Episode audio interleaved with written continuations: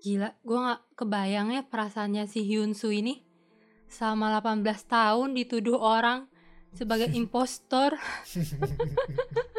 Gila kita kalau main ngomong saja dituduh-tuduh bentar udah langsung stres kesel gitu. Ini dia dengan sabarnya menjalani kehidupan menggantikan kakaknya sebagai pembunuh. Tapi kan dia sebenarnya juga sudah mengambil jalan hidup yang salah, Nat. Itu kayak jadi risiko gak sih? jalan hidup cuman kayak gimana ya gue sih ngerasa dia tuh korban dan kayak di usia yang kayak gitu di saat semua orang sekampung nyudutin dia nuduh dia bahwa dia tuh kelainan lah kerasukan arwah lah segala macem itu kayak secara nggak langsung kayak di labelin terus gitu loh. Dia jadi kayak merasa oh iya gue memang monster gue memang makhluk hina gitu. Iya iya iya iya. Kalau dilihat dari sudut pandang itu sebenarnya drama Korea ini Flower of Evil ini menggambarkan nggak cuman ini ya, nggak cuman hal-hal yang mungkin terjadi di perkampungan atau pinggiran-pinggiran desa, pinggiran-pinggiran kota di Korea ya. Karena kayaknya di Indonesia juga hal-hal seperti itu sesuatu yang lumrah nggak sih? Kayak nggak tahu sih kalau sekarang ya, tapi kalau dulu gue ngerasa itu kental banget sih sama kehidupan-kehidupan uh, orang-orang kayak di tempat gue misalnya yang nggak bisa dibilang kota besar juga tapi nggak bisa juga dibilang kota kecil eh, kota eh, kampung gitu kampung-kampung banget. Tapi ya itu terjadi di masyarakat-masyarakat dalam tanda kutip pinggiran hmm. gitu. Ya gue sih ngiranya awalnya gitu kan kayak ya ampun apa sih kok malah dikit-dikit ngusir roh segala macem? Cuman ternyata di ending-ending itu kan uh, terungkap kan bahwa ternyata si kepala desa uh, yang jahat ini tuh punya masuk lain gitu. Jadi dia sengaja menghasut masyarakat bilang ngefitnah bahwa si Yunsu ini tuh kayak kerasukan roh. Padahal sebenarnya dia tuh pengen uh, menjadikan itu buat cara ngambilin harta warisannya si Hyunsu gitu. Ini gue setelah nonton ini ya gue tuh ngerasa kayak wah ini layak banget dapat award sih parah.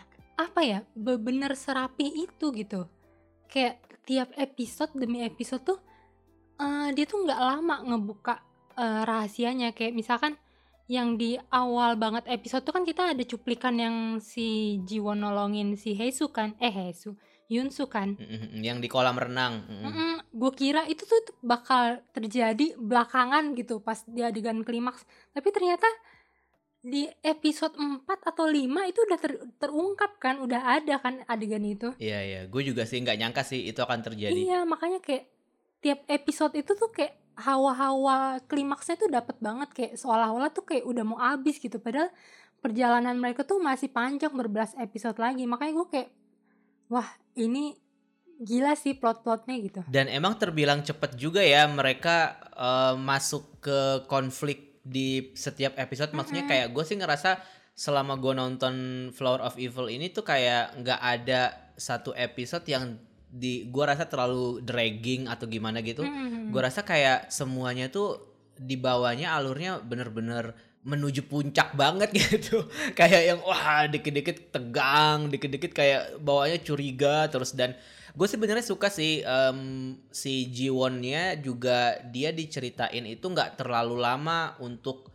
tahu Taunya, iya. soal iya. ke apa namanya rahasia suaminya gitu dan ketika dia udah tahu pun dia nggak terlalu lama denialnya gitu loh hmm. jadi dia hmm. malah justru udah mengakuinya dengan cepat bahwa oh iya berarti ada sesuatu yang disembunyikan dan ada ke, ada hal-hal yang berkaitan dengan masa lalu dan dia sebagai kapasitas dia sebagai polisi juga gue rasa kayak tegas gitu dan kan dia bilang kan di episode-episode awal kayak gue cuman percaya sama apa yang gue lihat kan yang dia hmm. bilang jadi dia hmm. bener-bener berusaha untuk mecahin itu sendiri dan beneran kayak dia ngeblok semua distraksi yang akan muncul belakangan tapi dia emang percaya sama apa yang hasil investigasinya dia langsung sih. Gue suka sih sama karakter Jiwon di sini uh, nggak yang menye gitu loh kalau iya, gue bilang. Nggak kayak tokoh cewek pada drama umumnya ya. Kayak ya lu ngebayang aja tiba-tiba tahu suami lo ternyata pembunuh berantai yang lo cari selama ini terus di saat lo udah mulai oh ternyata dia bukan pembunuhnya waktu dia ngup dia nguping si siapa namanya? Si Junki sama kakaknya itu kan tau tahu dia malah denger suaminya bilang enggak aku sebenarnya tidak pernah mencintai dia gitu. Aku tidak tahu perasaan cinta itu apa. Tuh kayak ya Allah udah dibohongin terus di dimanfaatin. Wah gila sih ini. Iya iya.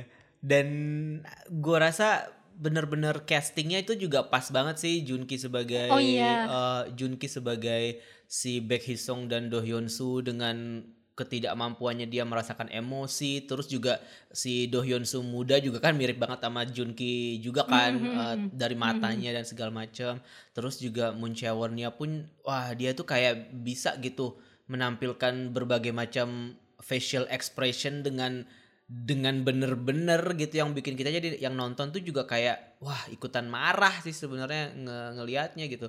Ada satu adegan yang paling gue suka di drama ini yang waktu eh, pas awal-awal tuh kalau nggak salah episode 6 apa episode 7 yang waktu si Baek Hee Sung eh, Do Hyun Soo nya masuk ICU kan dirawat terus dia yang abis yang abis adegan eh, kolam itu loh Mhm. kan dia sempat dirawat dan ditungguin kan Hmm. dia sempat nggak sadar 10 hari gitu ditungguin sama si Jiwon terus eh di adegan flashback pas Jiwon keluar dari kamar dia lagi nyender di dinding terus dia flashback ngedenger si eh, Do Hyun. Soo ngigo kan kalau dia Iya, ngomong iya. sama kakaknya dan dia manggil kakaknya Hi- His Hesu terus dia bilang dia menyebut dirinya Hyunsu gitu. Iya, kayak iya. Wah anjir itu walaupun mereka nampilin adegan itu dari flashback dan gak ada yang kayak jeng jeng jeng jeng Hmm, gitu hmm, yang gak ada musik yang terlalu tegang atau gimana. Terus dia ngambilnya long shot dari jauh itu bener-bener kayak wah gue ngerasa banget kalau gue jadi Jiwon mendengar kenyataan itu dari orang yang gue percaya. Itu kayak udahlah gue udah di situ kayak gue udah nggak sanggup sih menjalani kehidupan sampai episode 16 lagi kayaknya drama ini harus gue akhiri di episode 7 deh kayaknya Iya benar parah sih. Ini sutradaranya wow. Padahal ya di sini tuh nggak ada eh, soundtrack lagu-lagu yang berlebihan gitu. Dia bahkan kayak cuman tiga lagu kalau nggak salah sepanjang drama ini. Terus juga cuman mainin ya itu angle-angle sama sedikit back sound dan semuanya itu tapi terasa pas banget gitu. Gue paling takut yang waktu episode flashback kan di awal-awal kan si Hyun Soo ini ngancem Mujin bakal ngasih tahu isi video tape-nya itu kan Mm. Itu kan gue sempat penasaran tuh maksudnya sefatal apa sih isi video itu sampai-sampai Mujin akhirnya mau bekerja sama sama orang yang dia curigai sebagai pembunuh gitu. Ternyata kan diungkapkan dibuka tuh ternyata waktu itu dia kayak si Mujin ini dari sejak muda emang udah nggak kenal rasa takut emang udah tipikal reporter yang suka cari mati gitu loh. Mm. dia turun sendiri ke ruang bawah tanahnya si papanya Hyun Soo itu. Terus dia kayak ngeliat karung besar ada yang gerak-gerak gitu loh dia langsung yang kayak anjir ini orang atau bukan? Terus tiba-tiba pas dia nge tengadahin kameranya langsung depannya tuh ada si bapaknya Hyun Soo kan? Dan di situ tuh itu tegang banget sih gue dapet banget. Padahal nggak ada yang background yang terlalu gimana-gimana gitu.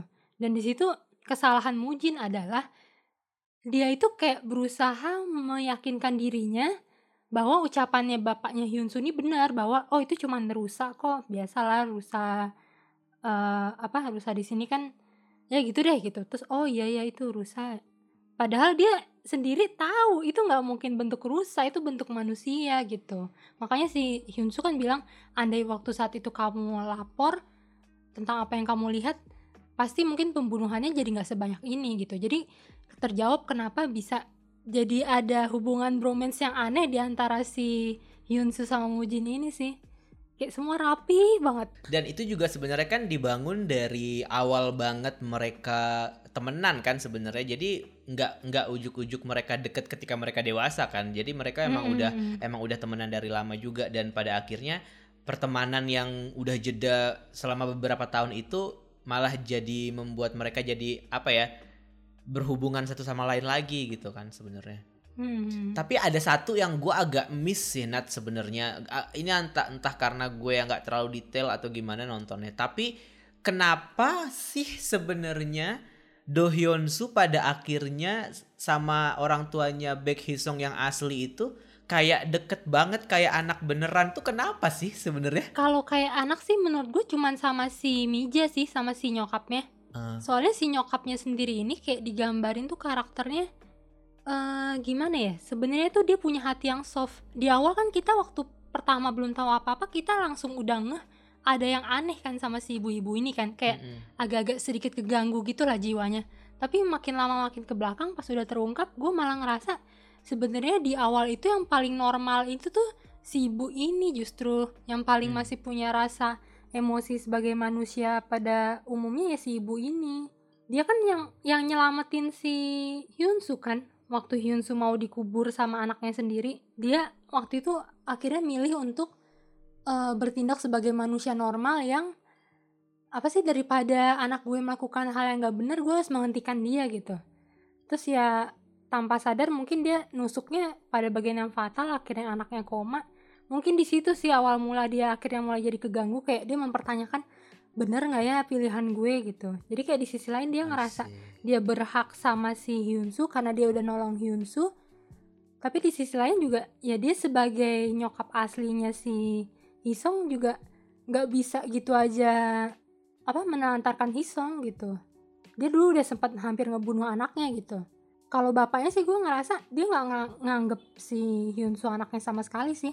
Kelihatan banget kayak berjarak ini kita sedang bisnis gitu. Iya iya iya. Berarti emang si eh, Hyunsu ketemu sama orang yang bisa dibilang tepat juga ya sedang berusaha untuk menutupi identitas anaknya yang psycho terus dia ganti identitas walaupun ya tepat nggak tepat sih. Karena pada akhirnya ketahuan kalau ternyata si anaknya berkomplot sama bapaknya yang pembunuh itu sih. Gue tuh agak-agak serem waktu bapaknya suka muncul yang matanya hitam gitu-gitu anjir dia serem banget sih orang gue bilang.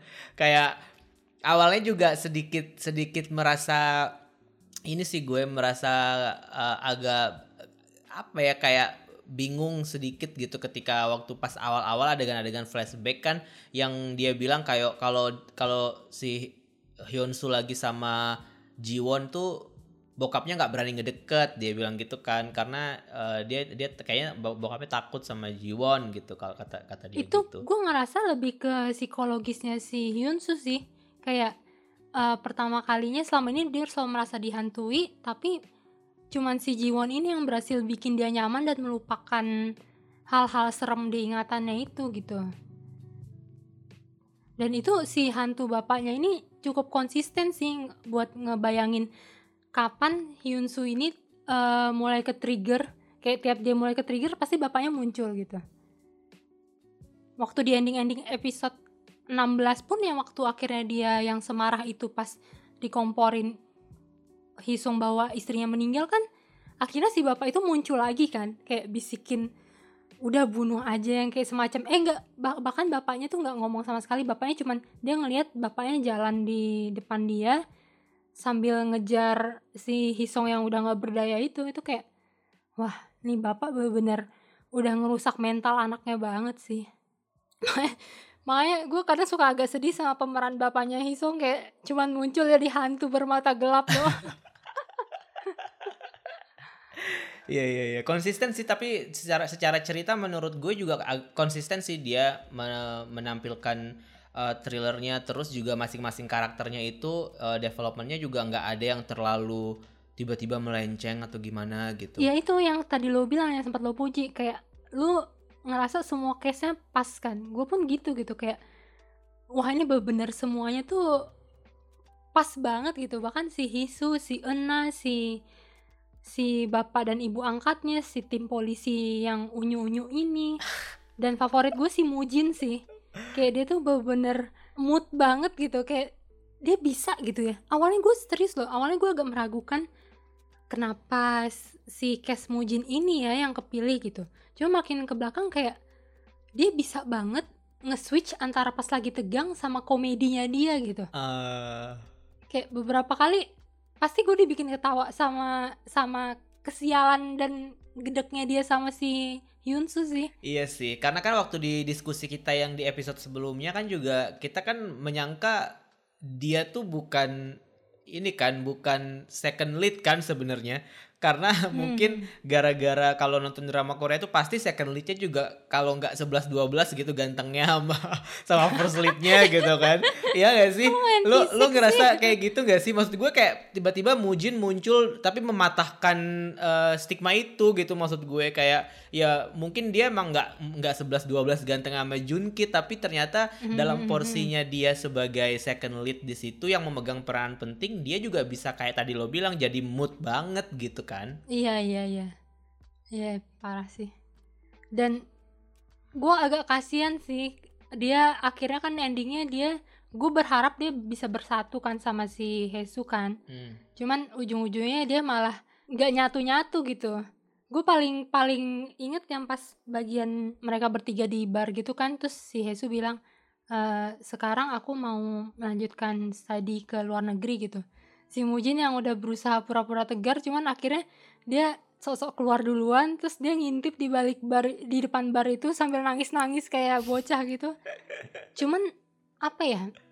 Cukup adil sih, karena gimana pun kan Mujin juga pernah berbuat salah kan.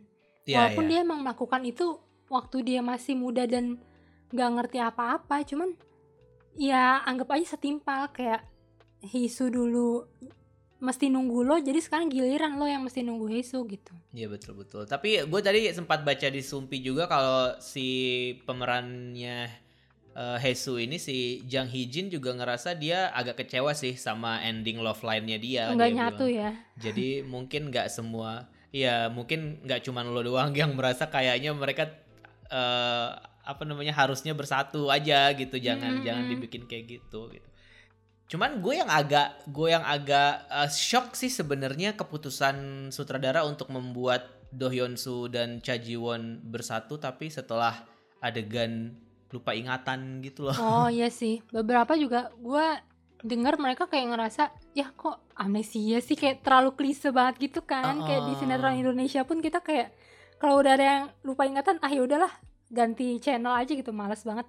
Cuman di episode-episode menuju ending itu gue udah merasa hal itu sih gue kayak kayaknya ini bakal amnesia deh. Maksudnya soalnya kayak bener-bener udah terlalu banyak yang dia lewati gitu gitu. Hmm. Jadi kayak gue sendiri pun secara nggak sadar mengharapkan dia punya sesuatu yang fresh. Udahlah lupain aja lah semua semua memori-memori kelam ini gitu. Hmm. Jadi pada akhirnya gue ngerasa keputusan dia untuk menjadikan si Hisung eh Hisung siapa?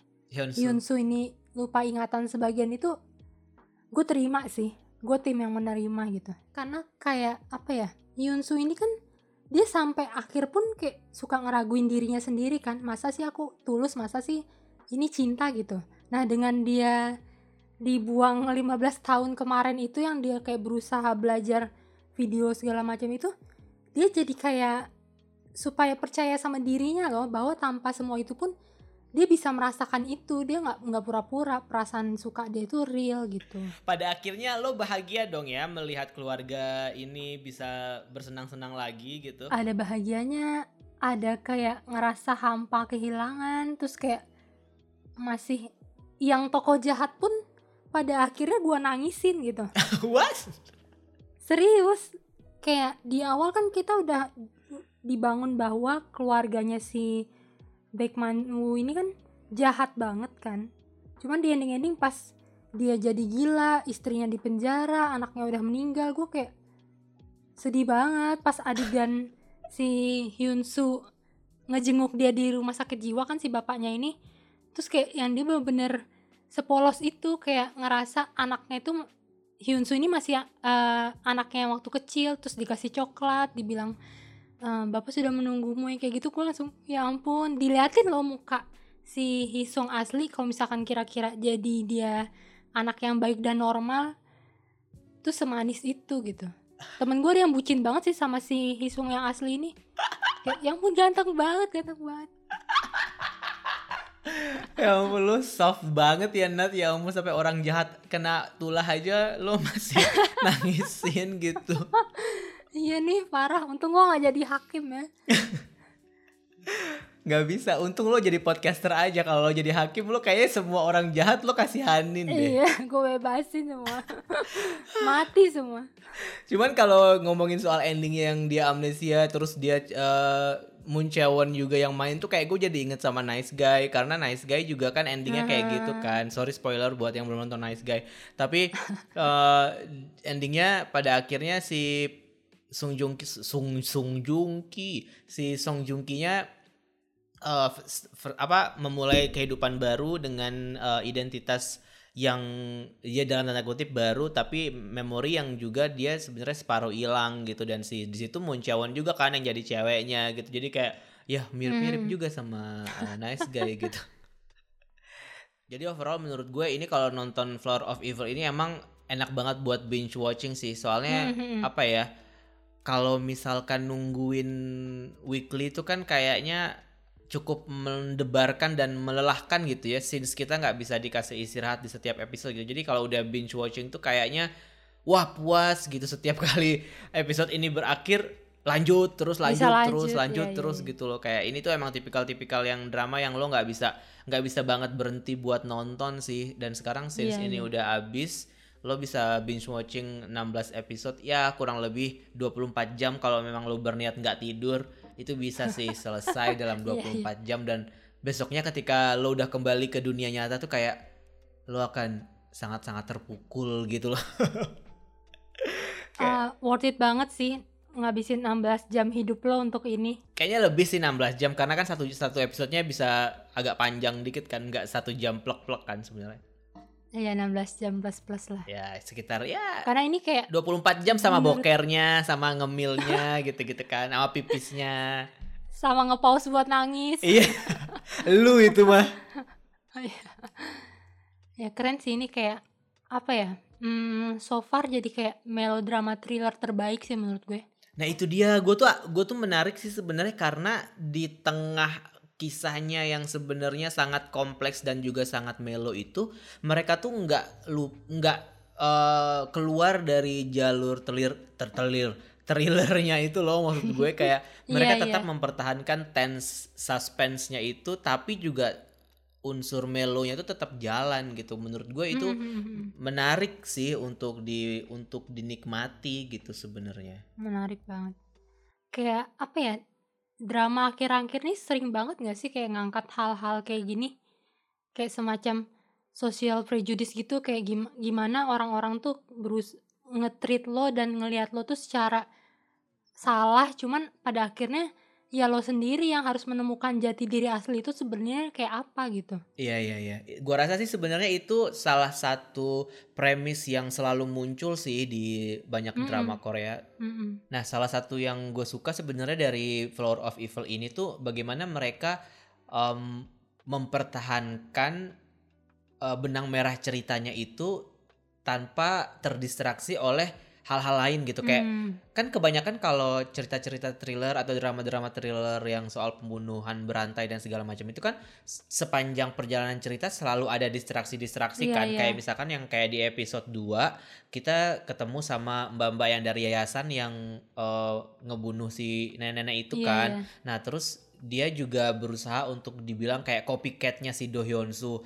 Nah itu kan sebenarnya jadi salah satu distraksi juga kan sama uh, jalan cerita aslinya. Mm. Nah, ketika si uh, copycat yang lain muncul yang waktu itu ngebunuh si bapak-bapak Chinese food, gue tuh mm, restoran itu gue tuh ngerasa kayak oh ini bakalan sama nih kayak drama Korea yang lain. Tapi kemudian teori gue tuh terpatahkan sama si pembunuh pembunuhan yang di Chinese food itu karena pada akhirnya si Jong Misuk itu tetap tetap dibahas terus iya. dan tetap muncul terus dan jadi bagian dari cerita bagian gitu pada akhirnya. Banget, ha, benar. Mm -mm. Jadinya gue pikir kayak awalnya gue pikir itu jadi distraksi doang yang kayak ah nanti juga dua episode dia akan selesai. Eh ternyata malah enggak gitu. Itu sih yang gue suka. Iya, di situ kerennya emang maka sama kayak yang si anak kecil cowok yang gendut itu. Uh -uh, itu kan juga akhirnya ternyata dia ngelit untuk kasus penjualan manusia kan. Jadi kayak semua itu ternyata sebenarnya udah berhubungan banget dari awal. Nggak ada kasus lepasan gitu. Keren sih.